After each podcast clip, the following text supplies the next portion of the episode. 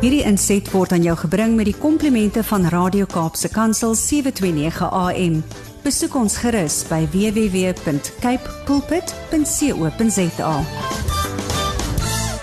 Goeiemôre en dankie dat jy ingeskakel is. Dit is Kaapse Kansel 729 AM saam met my Almarie en Brad en um, dit is my voorreg om bietjie Pretoria toe te gaan en saam met haar te kuier. Dit is Zanti Swanepoel. Nou Zanti het ook 'n lang lys van dinge wat sy al bereik het en dit sluit in internasionale spreker, stigter van die Babies Behind Bars projek, motiveerder, besigheidsvrou, voormalige mevrou Suid-Afrika en Verenigde Nasies internasionaal. En Zanti is ook besig met 'n uh, beweging waar sy mense uitnooi om saam met haar te stap. So ons sien sommer uit dat sy ver oggend gesels en dalk so ietsiekie deel net rondom dit. Zanti, goeiemôre. Goeiemôre aan almal van julle by die studio en elke luisteraar waar jy jouself ook nog bevind ver oggend. En ja, Almarie, ek moet vir jou sê ek um, ek brys myself ver oggend om te gaan stap hoor. Dit is snerpend koud aan hierdie kant. ja, dit is. Maar ons gaan maar die missie opsit en die handskoene aantrek en die uh. pad slaat en bid. dit is hoe dit hoort. Ek sê vir dit is hoe mense dit eintlik moet doen. Absoluut, wat 'n voorreg. En weet jy wat, ons um, soos ons stap, ons is op dag 11 vandag in ons walk in faith uitdaging waar ons so oor die 60 vroue is van reg oor Suid-Afrika en so vyf kontinente en waar ons stap en terwyl ons stap soek ons die Here se aangesig oor oor menshandel nê nee, menshandel mm. vandag het ons 'n verskriklike moeilike tema om voor te bid en ehm um, ja dit gaan nogal baie uit ons uitvat so ek bid dat die Here ons krag sal gee en ehm um, joh, ons het nie idee wat om ons aangaan nie, maar ek kan sê dat die Here is goed. He is faithful. Hmm. En dis juist hieroor wat ek wil praat vandag. Want miskien luisteraar Maybe you are at a place this morning as you listen to everybody at the radio station and maybe to my voice where you are completely overwhelmed by your circumstances. Waar jy regtig nie herwaarts of derwaarts weet wat om te doen nie en jy verloor perspektief. En my my boodskap aan jou vir oggend en ek en ek voel regtig dit diep uit die Here se hart uitkom is dat dit die strategie teen my en jou altyd sal wees. Is dat ons iewers in ons uitdagingsperspektief sal verloor.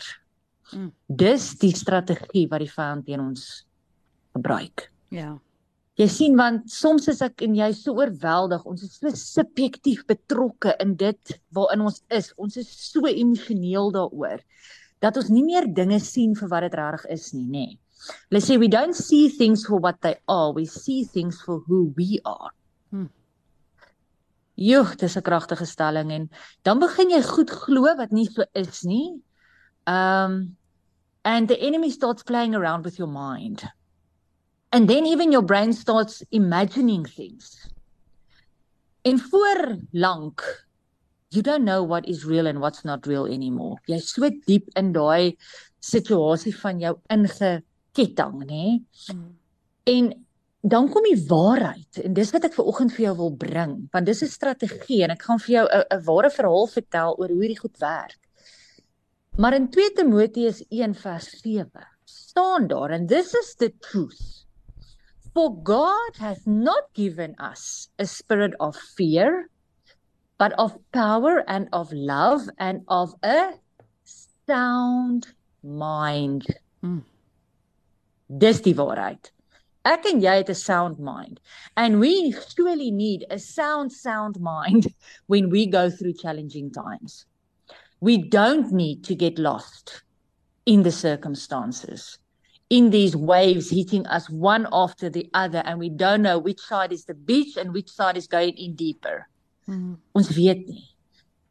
Maar luisteraar, is dit is waar jy is vanoggend en ek al baie keer was en seker nog 'n hele paar keer gaan wees. Dan wil ek vir jou sê, het God vir ons 'n anker uitgegooi.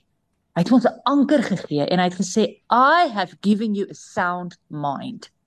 Moenie in hierdie trap wil ek al sê gevang word nie. Nou kom ek verduidelik vir jou hoe kan hierdie ding prakties, hoe werk hy prakties en dan moet is dit metafories oor hoe die vyand met ons werk. During the Civil War, General Robert E. Lee had a shortage of soldiers. His army could be devastated if the Union Army discovered this weakness. Since he could not increase the number of soldiers, he decided he could make his army look larger than it actually was. He loaded troops on trains and transported them to different places. At every station, the same Confederate soldiers were unloaded from the trains. It appeared that new troops were being transported in to be added to the rebel army. The Union forces became confused and afraid because they believed the South had much had a much larger army than they actually had. General Lee hadn't made his army any larger or more powerful.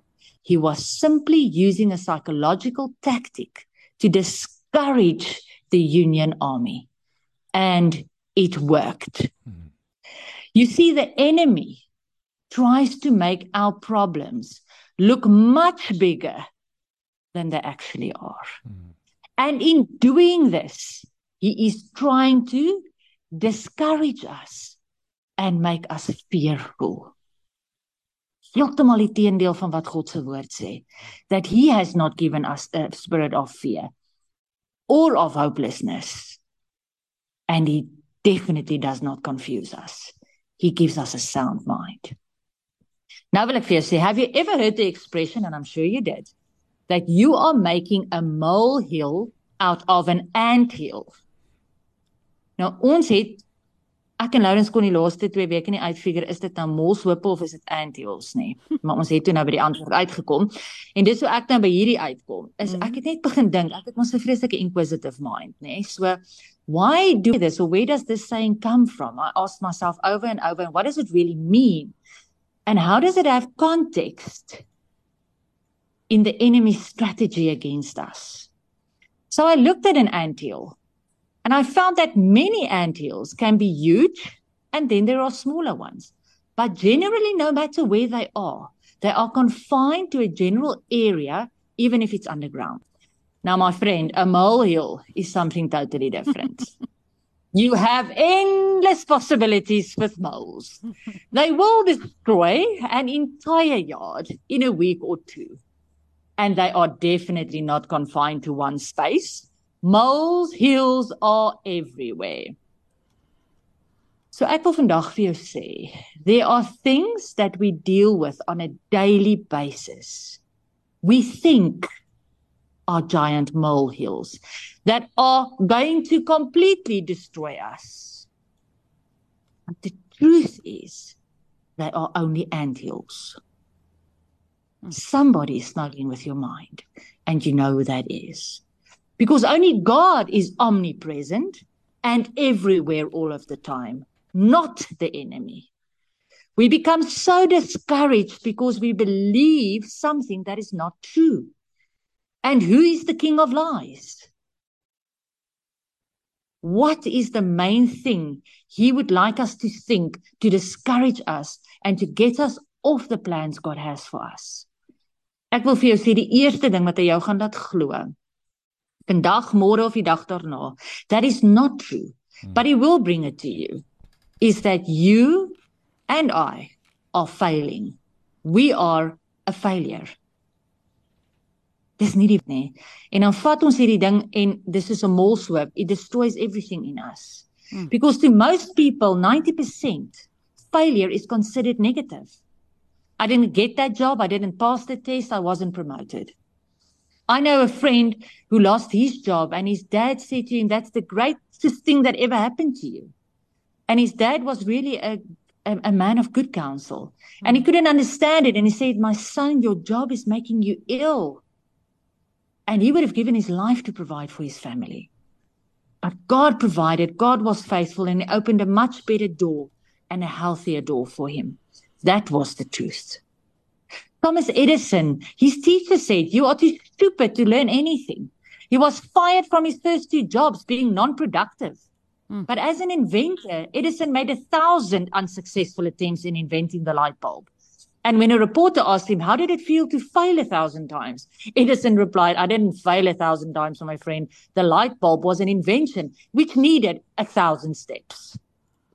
As a young man, Abraham Lincoln went to war a captain. He returned a private. Then he failed as a businessman. He failed as a lawyer. All his attempts, many of them going to vice president and president, he failed. He said at one stage, if what I feel were equally distributed to the whole human family, there would not be one tearful face on this earth. Basel werd so hopeless en laag. Hmm. I want to say to you today, hold on to the next scripture. Psalm 37 verses 24 to 24. Oh, 23 to 24. This is truth. You are not a failure. You have a sound mind and you have the wisdom to come out of your situation. For the steps of a good man, it also says righteous man, which you got as a gift, are ordered by the Lord and he delights in his way.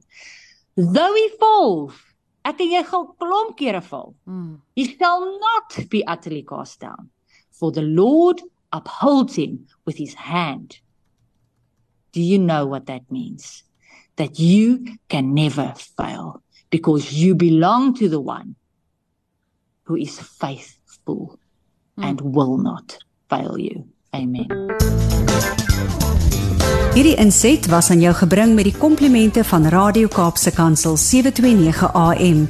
Besoek ons gerus by www.cape pulpit.co.za.